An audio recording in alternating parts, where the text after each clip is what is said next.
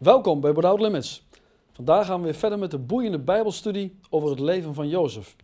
En bij mij in de studio weer Hans Achteres. Hans, van harte welkom weer bij Dank je. Without Limits. Dank je. Vandaag gaan we verder met de, ja, ik zei het al, hè, boeiende studie over het leven van Jozef. Je hebt ook een boekje over geschreven. Klopt. En eh, ja, eh, we doen 16 afleveringen, eigenlijk eh, van de 16 hoofdstukken van je boekje. En vandaag zijn we bij aflevering 7 aangekomen. Zeven eh, jaren van overvloed en zeven jaren van hongersnood. Ja, dat kwam overeen met de droom waarvan eh Farao totaal niet wist eh, hoe hij erover moest denken. Laat staan zijn adviseurs op allerlei trein. En Jozef geeft een duidelijk helder uitleg en nou, dat is het. En zo zal het gebeuren, want God had die droom twee keer laten zien in twee verschillende vormen. En als God iets twee keer zegt of doet, denk maar aan het woord voorwaar, voorwaar, dan zal het gebeuren en dan staat het bij God vast. Ja. En eh, ja, het is een boeiend eh, iets als we, wat we nu ook weer gaan lezen. Eh, want hier zien we de vervulling van Gods plannen in Genesis 41, vers 46 tot en met 57. Als je dat Henk eens voor wil lezen. Ja, er staat boven Jozef als onderkoning in Egypte. Jozef was 30 jaar oud toen hij voor Farao, de koning van Egypte, stond. En Jozef ging van Farao heen en trok door het gehele land Egypte.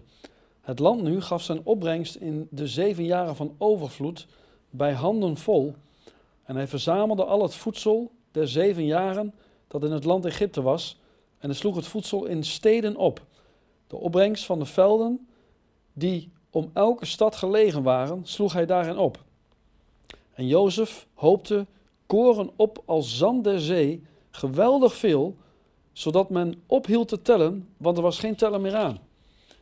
En voordat er een jaar van hongersnood kwam, werden Jozef twee zonen geboren, die Asnat, de dochter van Potifera, de priester van On, hem baarde. Jozef gaf aan de eerstgeborene de naam Manasseh. Manasse. Want, zeide hij, God heeft mij al mijn moeite doen vergeten. En ook het gehele huis mijns vaders. En aan de tweede gaf hij de naam Ephraim. Want, zeide hij, God heeft mij vruchtbaar gemaakt in het land mijner ellende. Toen de zeven jaren van overvloed, die er in het land Egypte geweest was, verstreken waren, begonnen de zeven jaren van de hongersnood te komen. Zoals Jozef gezegd had, in alle landen was hongersnood, maar in het gehele land Egypte was brood. Toen het gehele land Egypte honger leed en het volk tot Farao om brood riep, zei de Farao tot alle Egyptenaren: Ga tot Jozef, doet wat hij u zegt. Toen de hongersnood nu over de gehele aarde heerste, opende Jozef alle schuren en verkocht koren aan de Egyptenaren, want de honger was sterk in het land Egypte. En de gehele wereld kwam naar Egypte om bij Jozef koren te kopen, want de honger was sterk op de gehele aarde. Ja, wat een prachtig gedeelte. Hij, hij reisde door het land als onderkoning. Eh, zouden zijn dromen nu voor hemzelf herleven of levend worden? Nou, ik denk, eh, Henk, van het koren, ze- heb je gelezen, hoopte zich op als het zand der zee. Ja, Dus er was een overvloed in al die jaren dat, dat uit één halm eh, zeven eh aren zouden komen. En noem maar op, dus. ongekend, ongekend, ongekend. En ja, dan moet je je voorstellen dat hij 13 jaar daarvoor een droom krijgt die hij in zijn onschuld, hij was 17 jaar, vertelt tegen zijn broers. En hij zegt, ik zie daar schoven en eh, ongeveer 11 en ik ga in het midden staan als korenschoof, als korenschoof.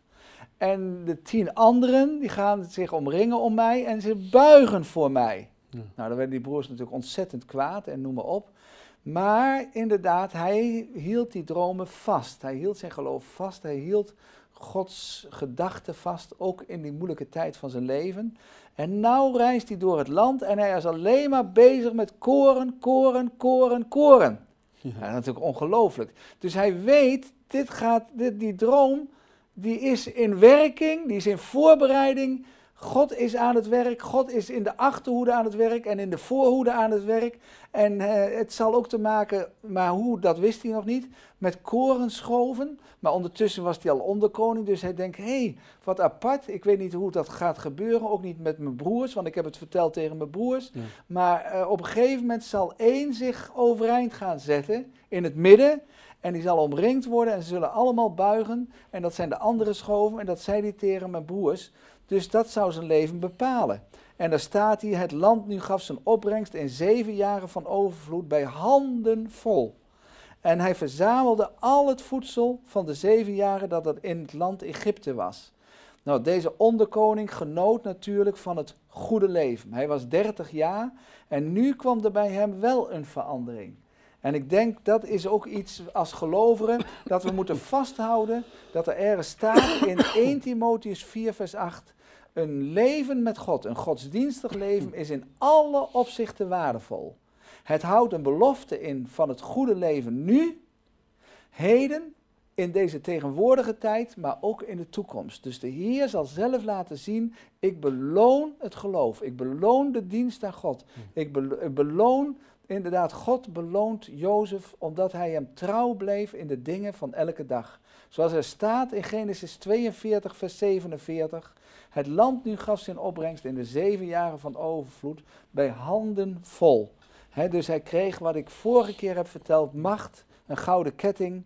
Hij kreeg inderdaad koninklijke kleding aan, aanzien. Hij kreeg gezag, hij kreeg een zegelring. Hij kreeg zichtbaar een open uh, wagen, een soort Rolls Royce, met waar het nodig was de herauten voorop. Of die sprongen uit de andere wagen.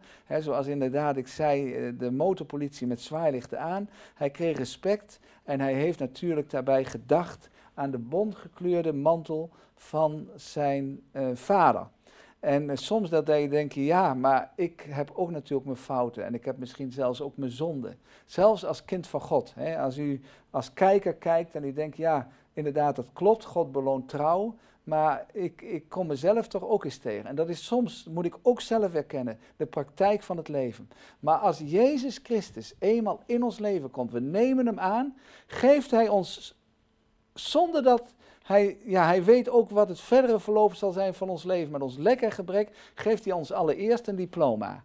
Als wij Jezus aannemen tot geloof komen, zegt hij: Hier heb je diploma voor dit leven en voor het toekomstig leven. Je krijgt een diploma voor het eeuwige leven, noem maar op.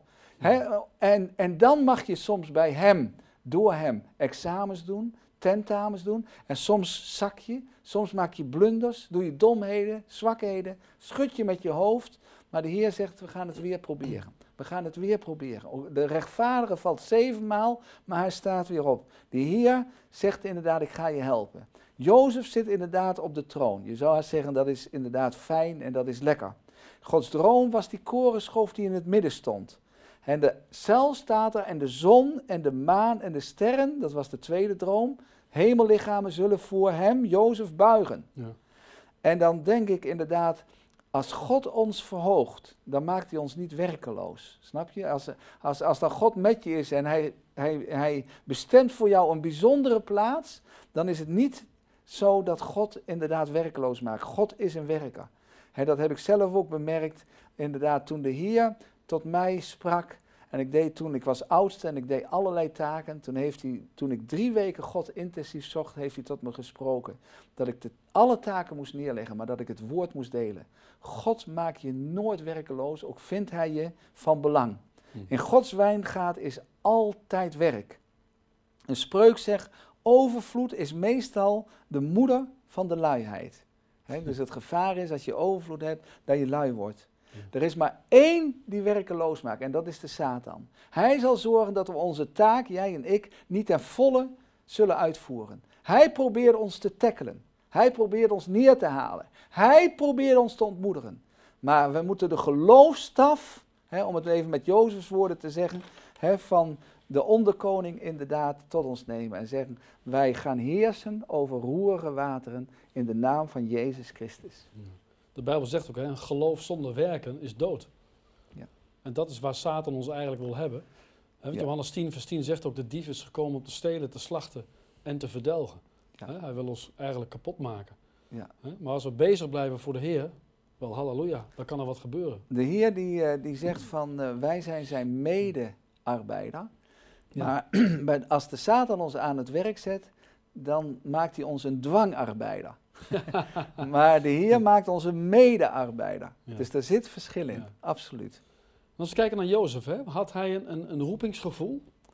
Ja, eh, we merken aan Jozef, hij was vlijtig, hij, eh, hij was niet zorgeloos, integendeel, want hij wist er komen straks zeven jaren van hongersnood. Hij deed het niet enkel, denk ik, voor het aanzien, terwijl hij onvoorstelbare hoge positie had, maar hij wist, zijn drijfveer was voorziening van de mensen. Hmm. Voor dat gezin, voor die armen, voor die mensen zelfs in het buitenland. Hij moest, en dat deed hij ook, controle- en inspectiediensten aanstellen. En eh, ja, dat was natuurlijk geweldig. Hij, eh, hij, hij voorzag. En, en, en Jozef, hè, die had een heel netwerk aan mensen, zou je toch kunnen zeggen. Hè? Want, want eh, hij was onderkoning, dus ik neem aan dat hij heel veel mensen onder hem had die ook voor hem werkten. Ja, is dat al, eigenlijk al een, een, een, een, een voorteken zeg maar, van de gemeente, hè, de kerk van Jezus Christus? Ja, ik denk zeker dat hij, dat hij daarin een, een voorbeeld is. Want hij stelde allerlei mensen aan. Hij had een enorm netwerk. En zo is het in de gemeente van Jezus Christus ook. Wij moeten niet alleen denken dat wij belangrijk zijn. Overal zijn zijn kinderen bezig in de gemeente, in de kerk van Christus. Er staat ergens, meen ik, in Nehemia 2 of 3, hoofdstuk 2 of 3 uit mijn hoofd. Daarnaast waren bezig, daarnaast waren bezig, Ja. daarnaast waren bezig. De hand We kan niet zonder de voet. Precies, we moeten het met elkaar doen. En eh, de Heer zegt, we zijn het lichaam van Christus. De ene is inderdaad de mond, de andere zijn de longen, de andere zijn de voeten. Maar we moeten het inderdaad wel met elkaar doen. En bij Jozef was zijn positie was groter geworden. Hij gaf eerst leiding aan een huis, toen soms in de gevangenis, een staatsgevangenis, nu heel Egypte. En hij wist één ding, Gods stroom is in werking. Het is nog niet verwezenlijkt, maar één ding deed hij, hij hield vast. En de taak die hij opgedragen had, eh, heeft gekregen van de Heer, die hield hij vast. Hij had dezelfde God, hij was dezelfde zoon van zijn vader, dezelfde vader die hij had was nog steeds Jacob. Hij had nog steeds dezelfde droom, maar hij wist de vervulling komt. Maar de Heer zegt soms, je moet vasthouden. En dan denk ik zelf op dit moment ook, Henk, aan jou. Jij hebt ook gedacht en, en je wist ergens, ik wil en ik, en ik zal televisieuitzendingen maken voor de glorie en de eer van Jezus' naam. En je hebt door het geloof vastgehouden. En je hebt gezien dat de Heer meewerkt. Hij is een medewerker. Ja, En je hebt gezien de vervulling. ja. God is daar. Als God werkt, is hij daar. En hij zal het doen. Hij zal het maken. Wentel u weg op de Heer. En vertrouw op hem. En hij zal het maken. Ja, nee, absoluut. absoluut. En het is een grote zegen natuurlijk en een eer om te mogen doen.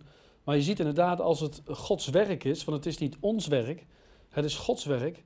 En dat Hij dan ook zal voorzien. Ja. Hè, televisie maken kost veel geld. Gelukkig hebben we partners hè, die, on- die voor ons bidden en ons financieel ondersteunen. Daardoor is het ook mogelijk hè, om eh, dit werk te doen. En eh, ja, het is zo'n voorrecht. En ik zeg altijd, als God je een opdracht geeft wat geld kost, dan gaat hij het ook betalen. Gaat ook God voorzien. En het geloof wordt, je in- er wordt bevestigd, wordt sterker. En de Heer zegt, het geloof, hou dat vast. Want ik ga het belonen, ik ga het Ja. gebruiken. En eh, dan komt God aan zijn eer en dan krijgt hij alle lof. Ja. Prijs zijn naam. Ja, eh, we komen bij even nog bij vader Jacob, want hij is zeven jaar druk. Hij heeft een veelomvattende taak. Maar ja, eh, Ja. hij heeft hem dertien jaar niet gezien. Ja, want ik, ik vroeg mij af, hè. Eh, want in die zeven jaar, je had het over een eh, Rolls Royce eh, die hij tot zijn bezit had. Ja, ja ik denk het, maar, absoluut. maar waarom is hij in die zeven jaar eigenlijk niet ja, zeg maar een soort vakantie gaan houden en zijn vader gaan opzoeken? Ik denk, en dat vind ik ook iets van God zelf. Hij heeft gezien dat hij door het geloof heeft hij verstaan dat hij dat niet moest doen. Dat hij niet naar Canaan moest gaan, dat hij niet naar zijn vader Jacob moest gaan. Dat de vervulling zou nog volgen door de tijd heen. Hij moest dingen laten rusten. En eh, vanuit ons mens zijn willen wij ook soms tot actie overgaan. Willen wij ook denken, ja, maar dat lijkt mij goed of ons goed. Maar de Heer zegt, mijn tijd, mijn tijd. De vervulling komt nog. Laat dingen rusten. Ook wil je ze ontzettend graag. Misschien had hij zelfs wel heimwee. Want hij noemde het zelfs Egypte een, eh, een land van verdrukking. Toen hij natuurlijk met name in de gevangenis zat. Ja. En misschien dat God ook wel het zo gebruikt heeft dat hij veel dingen had om te doen. En eh, dat zou ook kunnen. Ik, ik wil nog eens voorlezen, vers 49. En Jozef hoopte koren op als zand der zee, geweldig veel, zodat men ophield te tellen, want er was geen tellen meer aan. Ja, Dus hij, hij was zo druk ja, dat eh, hij moest de rijkdom over 14 jaar verdelen. ja prachtig.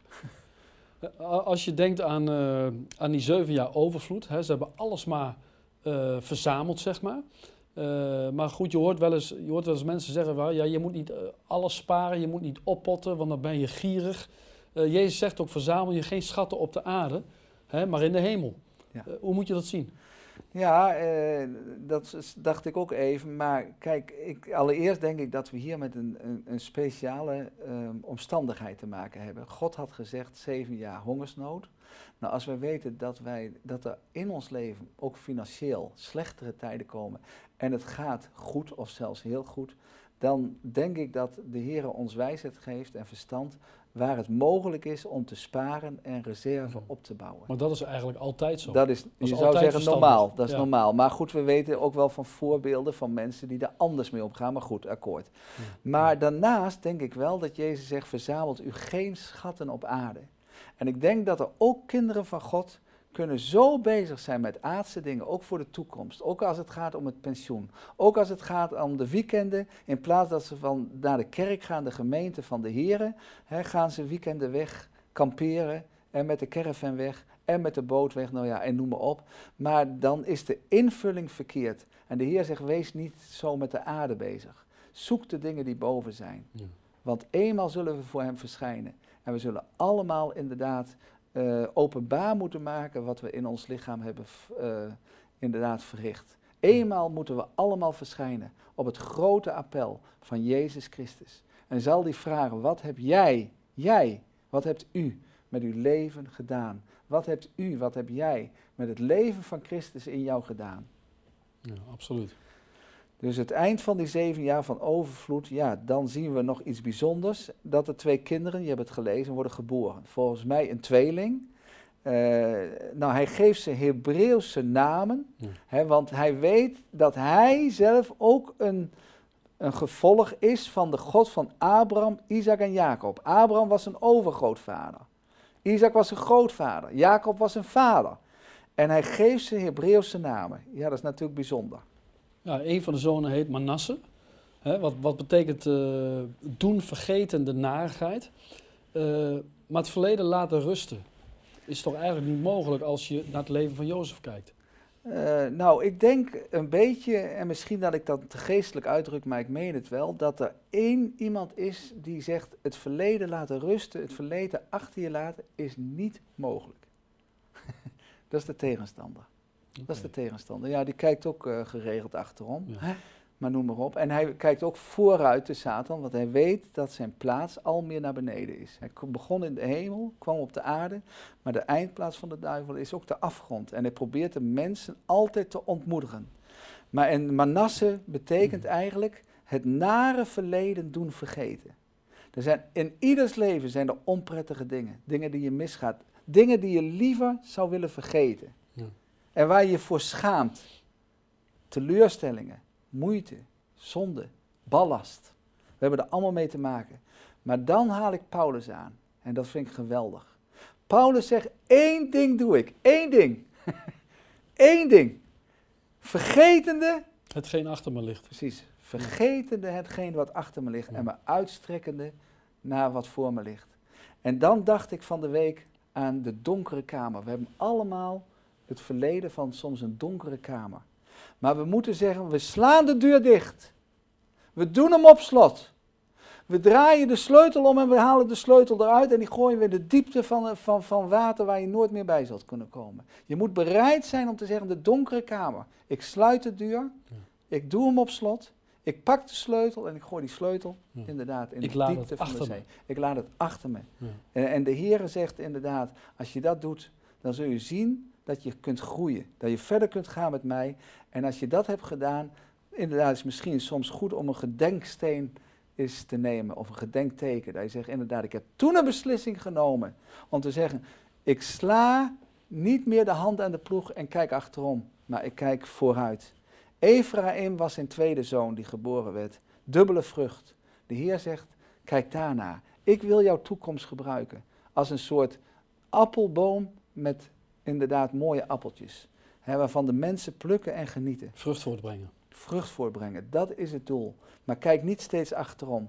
Want als je achterom kijkt, als ik nog even denk aan die, hè, dat, dat Jezus zegt, wie de hand aan de ploeg slaat en is op de akker bezig met goede bedoelingen. Maar je kijkt achterom, moet je kijken waar je uitkomt. Moet je kijken wat voor spoor je achterlaat. Je slingert. Maar de Heer zegt, zie op mij. En als je op mij ziet en blijft zien, ondanks wel eens tegenvallers, teleurstellingen, onbegrijpelijke dingen, zal je vrucht dragen. En dat had Jozef ook. Hij wist, er komt hongersnood. En uh, misschien het eerste jaar merken de mensen niet, maar het tweede jaar wel. Maar Jozef inderdaad had de mogelijkheid, hij had alles onder zijn controle. En dan lees ik nog even vers 55 en 56. Toen het gehele land Egypte honger had en het volk tot Farao om brood riep, zei de Farao tot alle Egyptenaren, gaat tot Jozef. Doet wat hij zegt.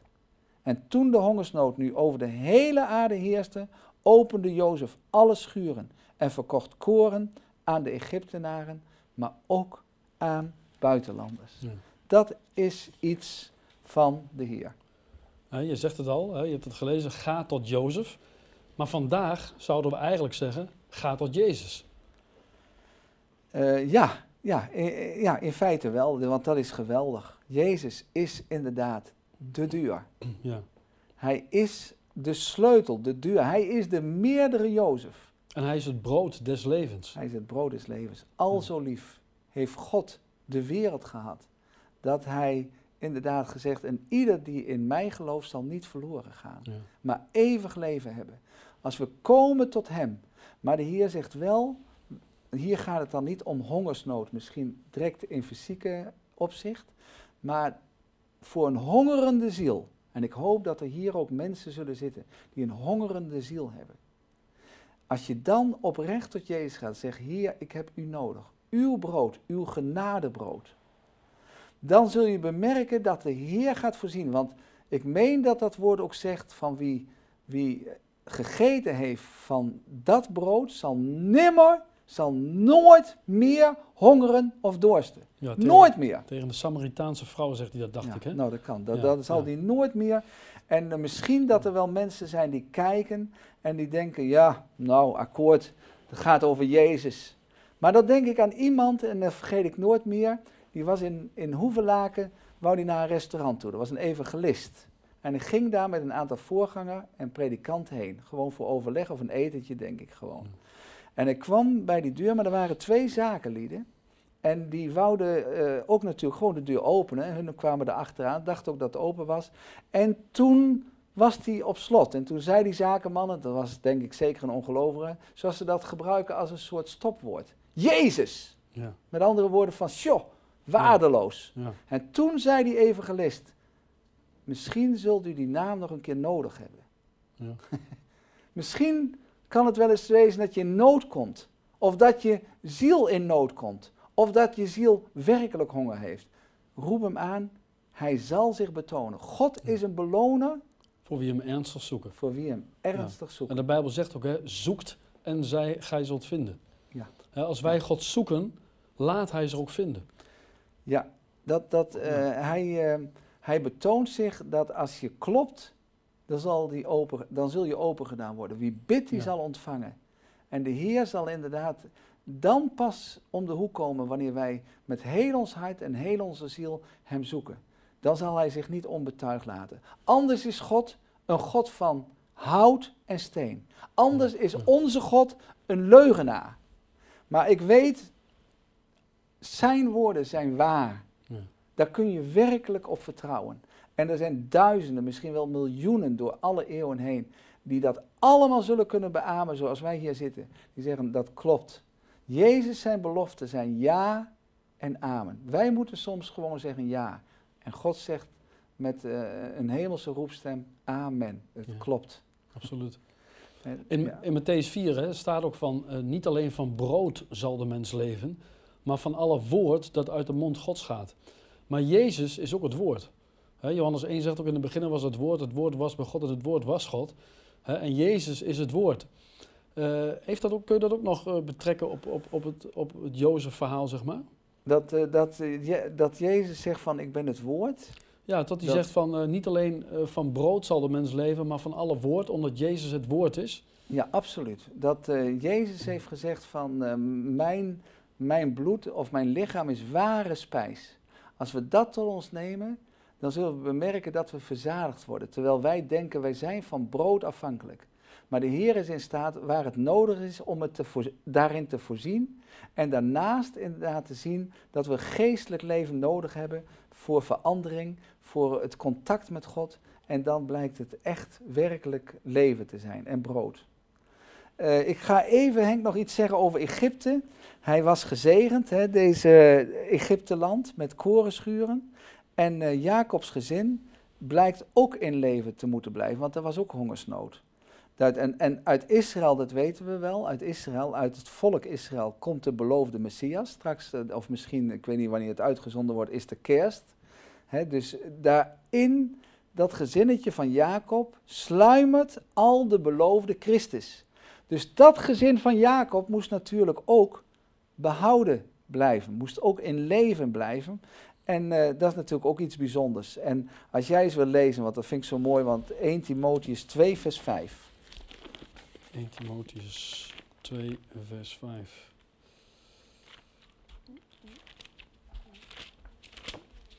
Even kijken. 1 Timotheus 2, vers 5. Daar staat: Want er is één God en ook één middelaar tussen God en mensen, de mens Christus Jezus, die zich gegeven heeft tot een losprijs voor allen. Ja, en dat ga je ontdekken als je hongerig bent van ziel. In Jezaja staat, rijken, mensen die denken dat ze rijk zijn en het allemaal hebben, heeft hij, God, leeg weggezonden, maar de armen met goederen vervuld. Hier staat een type van Jezus Christus.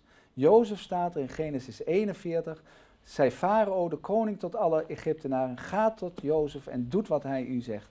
Jezus zei tot hen, ik ben het brood des levens. Wie tot mij komt, zal nooit meer hongeren. En in Johannes 2, zijn moeder Maria zei tot hen, wat hij u ook zegt, doe dat. Nou Hans, dan sluiten we daarmee af. Geweldig. Dankjewel.